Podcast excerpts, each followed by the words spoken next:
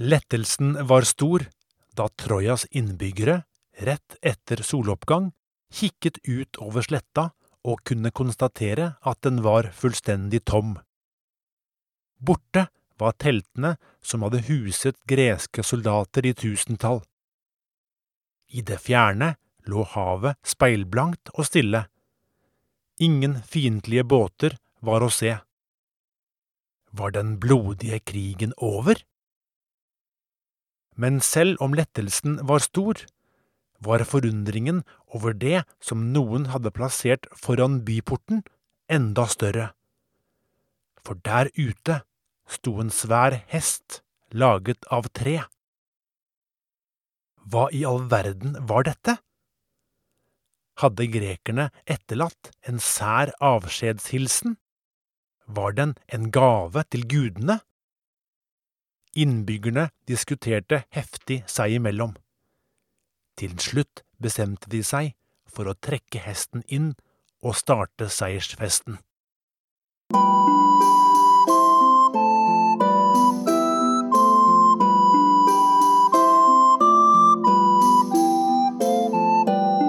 Velkommen til Helter og legender fra antikken, en podkast for unge.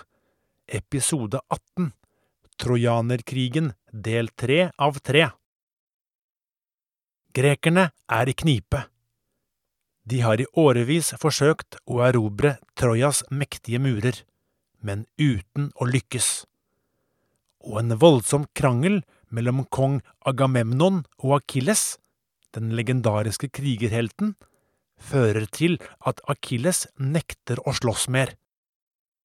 Grekerne er fortsatt sterke, men uten Akilles til å bane vei på slagmarken står de langt svakere mot trojanerne. Snart brygger det opp til nok et stort slag. Prins Hektor leder an på trojansk side, og han dreper mange greske krigere. Men eh, i dette slaget skjer noe dramatisk, noe som endrer krigens gang. Akilles er kanskje en beintøff soldat, og uten å blunke har han trosset kong Agamemnon, den greske øverstkommanderende. Men Akilles er ikke iskald og uten følelser. Tvert imot. Han dyrker nært vennskap med andre mennesker. Særlig føler han seg knyttet til en kriger som heter Patroklos. De har kjempet sammen i tallrike slag og har mange felles opplevelser. De er ekte våpenbrødre. Når Akilles nekter å kjempe, fortsetter Patroklos striden sammen med de andre myrmidonerne. Og ikke bare det. Han låner Akilles rustning og leder an i kampen. Han er en formidabel kriger. Det fortelles at han i ett slag dreper hele 54 trojanere. Men i kampens hete står han plutselig overfor Hektor, og en kamp på liv og død utspiller seg. Men det er ikke en kamp på like fot for Patroklos har akkurat blitt rammet i ryggen av et spyd. Han er svekket. Dette merker Hektor, som uten å nøle støter spydet mot sin motstander så hardt at det gjennomborer magen hans. Det tar ikke lang tid før Patroklos er død. Når slaget er over, sendes det bud til Akilles om at hans beste venn er falt. Og nå skjer det noe med krigerhelten. Krangelen med Agamemnon om fordelingen av krigsbyttet blir uviktig. Akilles fylles av sorg og grenseløst raseri og hevntørst. Han finner fram sverdet og kaster seg inn i kampen. Han har usedvanlige krigerevner og farer fram som en drapsmaskin. Han sparer ingen. Mange trojanere blir så skrekkslagne at de søker tilflukt bak murene. Nede ved en elv er kampen spesielt voldsom og kaotisk, og en av trojanerne er plutselig uten våpen.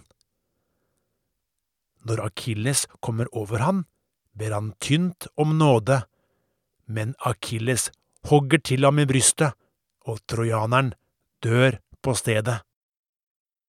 Men det stopper ikke der.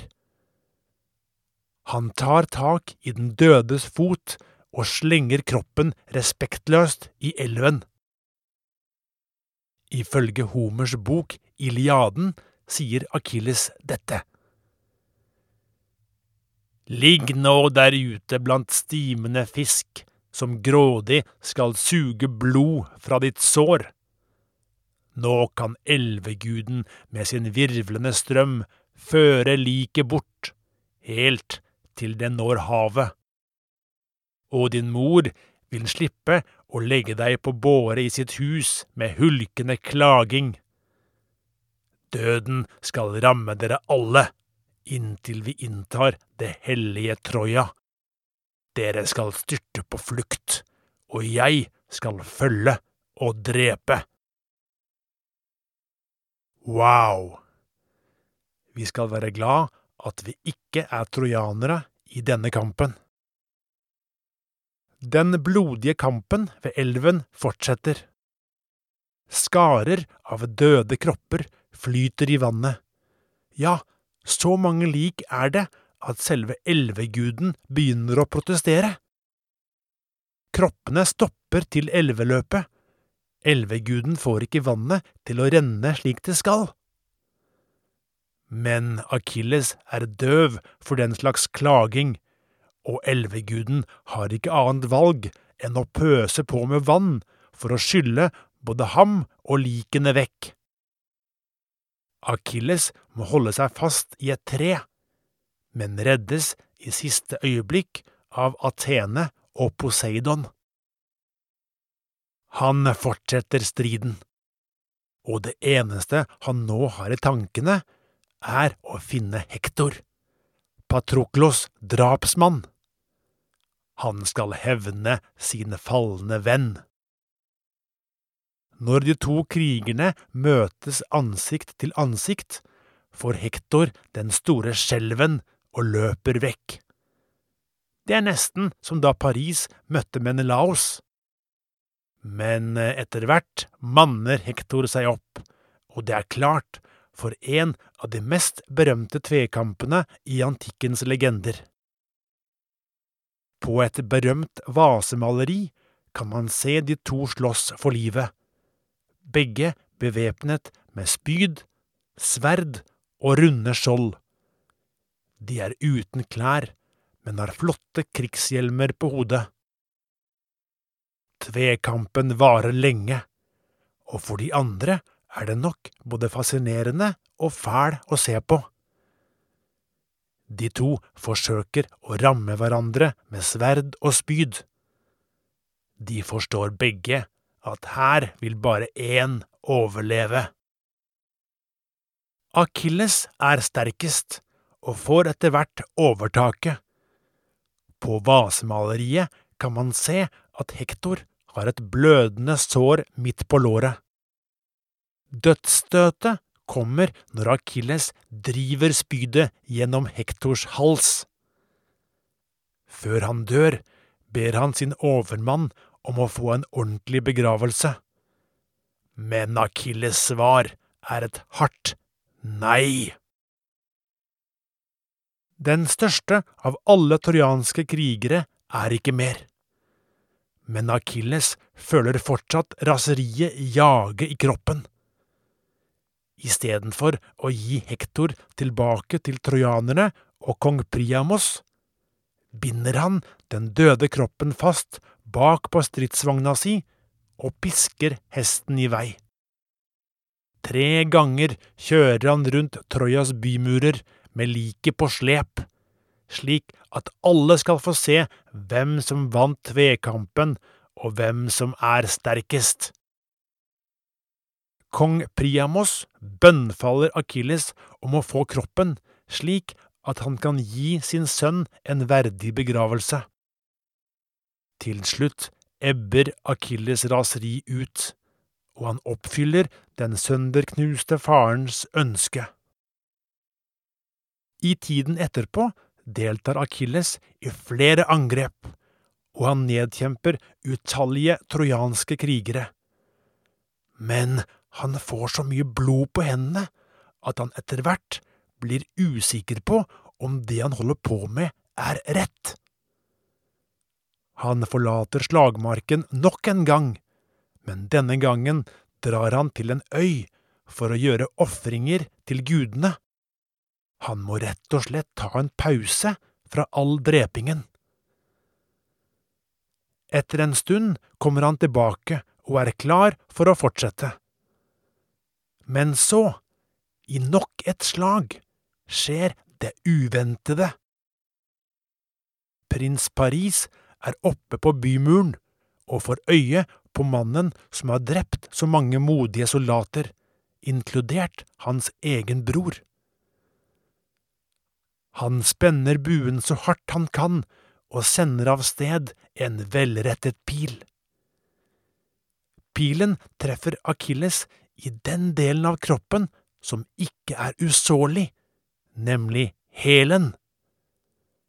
Han tenker først at dette ikke er noen stor skade, men ganske snart faller han om og blir liggende, for aldri å reise seg igjen. Krigerhelten er død, drept etter en skade i hans eneste svake punkt. Foran Trojas murer ligger Akilles døde kropp, og grekerne er fra seg av sorg og fortvilelse. De gjennomfører en storslått begravelse for sin store helt. Hans handlinger kommer til å gi gjenlyd gjennom århundrene. Hans navn vil aldri bli glemt. Men nå begynner en gnagende tvil å gjøre seg gjeldende. Det er snart gått ti år, og ennå har de ikke klart å knuse Troja. Kommer de noensinne til å klare oppdraget sitt, som er å hente tilbake den vakre Helena? Når det ser som mørkest ut, får den smarte Odyssevs en briljant idé. Odyssevs er konge i et område som heter Itaka, og er en av de mest betydningsfulle lederne i den greske hæren. Ideen han får, går inn i historien som en av de mest fantasifulle og vellykkede krigslistene noensinne. Odyssevs foreslår at de skal pakke ned leiren og gjøre båtene klar for avreise, og late som de gir opp hele krigen. De bør også flytte båtene ute av syne for trojanere, slik at de blir helt overbevist om at grekerne har dratt hjem. Og så kommer det mest geniale. Odyssevs foreslår at de bygger en svær trehest som fylles opp med de modigste greske soldatene. Den skal settes foran byporten om natten, og når trojanere finner den om morgenen og ikke ser en eneste gresk soldat, vil de tro at de har vunnet krigen.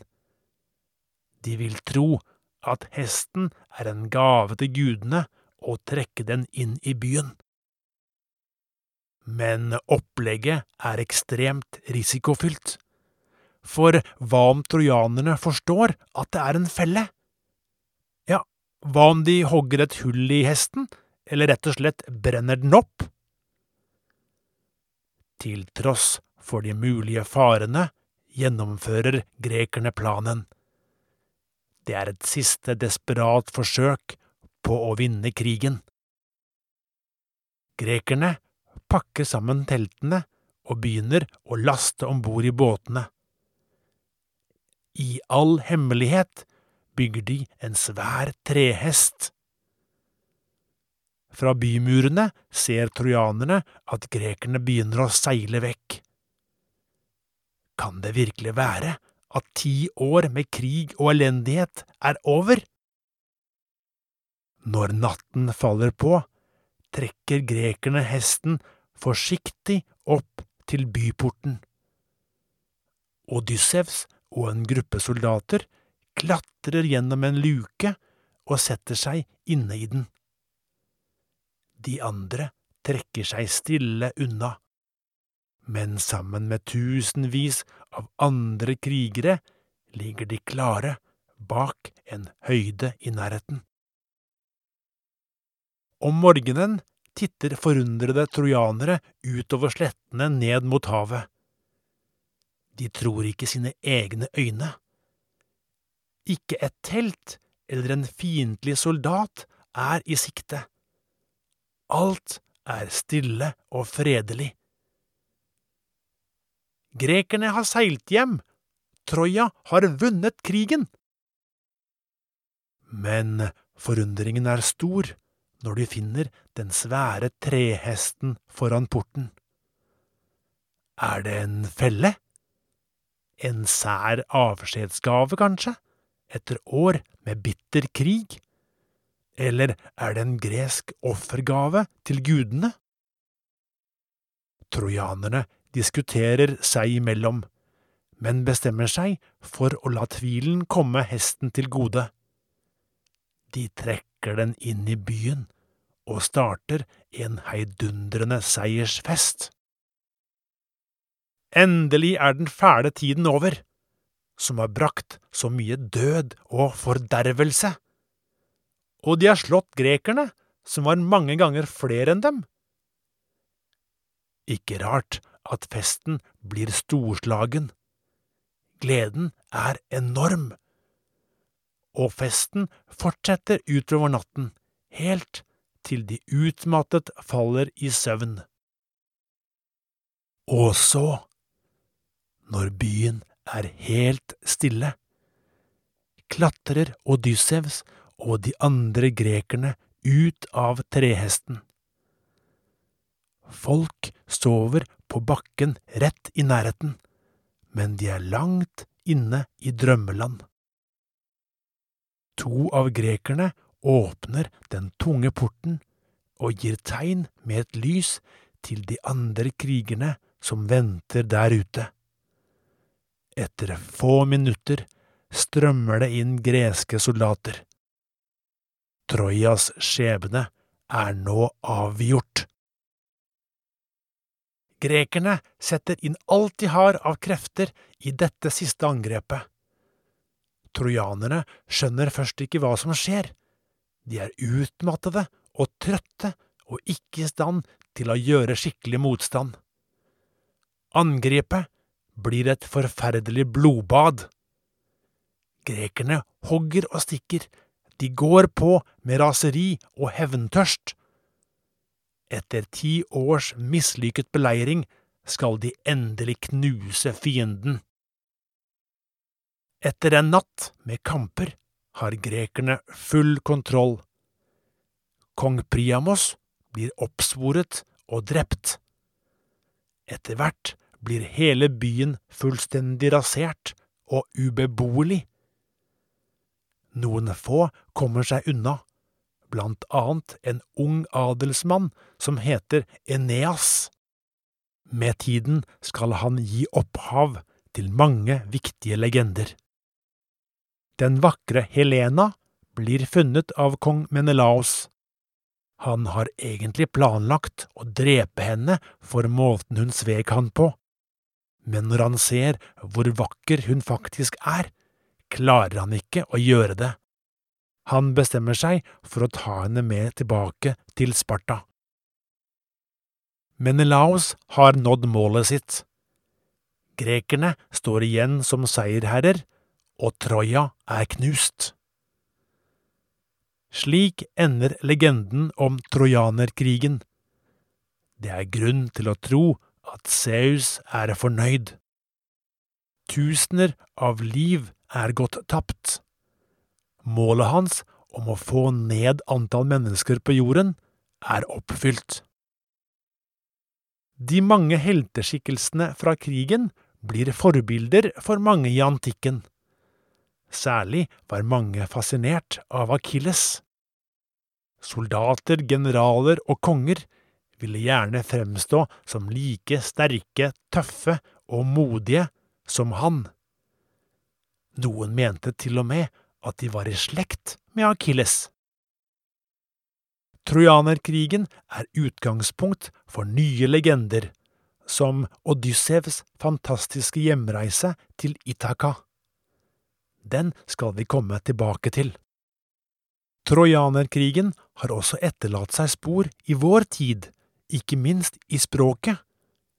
For eksempel når en snakker om en trojansk hest i forbindelse med computere, vet de fleste hva det betyr altså at ødeleggende programvare har kommet seg inn kamuflert som noe annet, for eksempel som en uskyldig e-post. Et annet uttrykk som kommer fra trojanerkrigen, er uttrykket å ha en akilleshæl, som betyr at man har et sårbart sted på noe som ellers er robust og sterkt. For eksempel hvis du er god i all idrett, men elendig på ski, kan du si at ski er din akilleshæl. Nå vet du at alt dette har opphav i en berømt legende fra antikken, da grekerne skulle hente tilbake den vakre Helena, og endte opp med å knuse Troja. I neste episode tar vi for oss kappestrid av den mindre dødelige sorten, nemlig de olympiske leker. Ha det godt!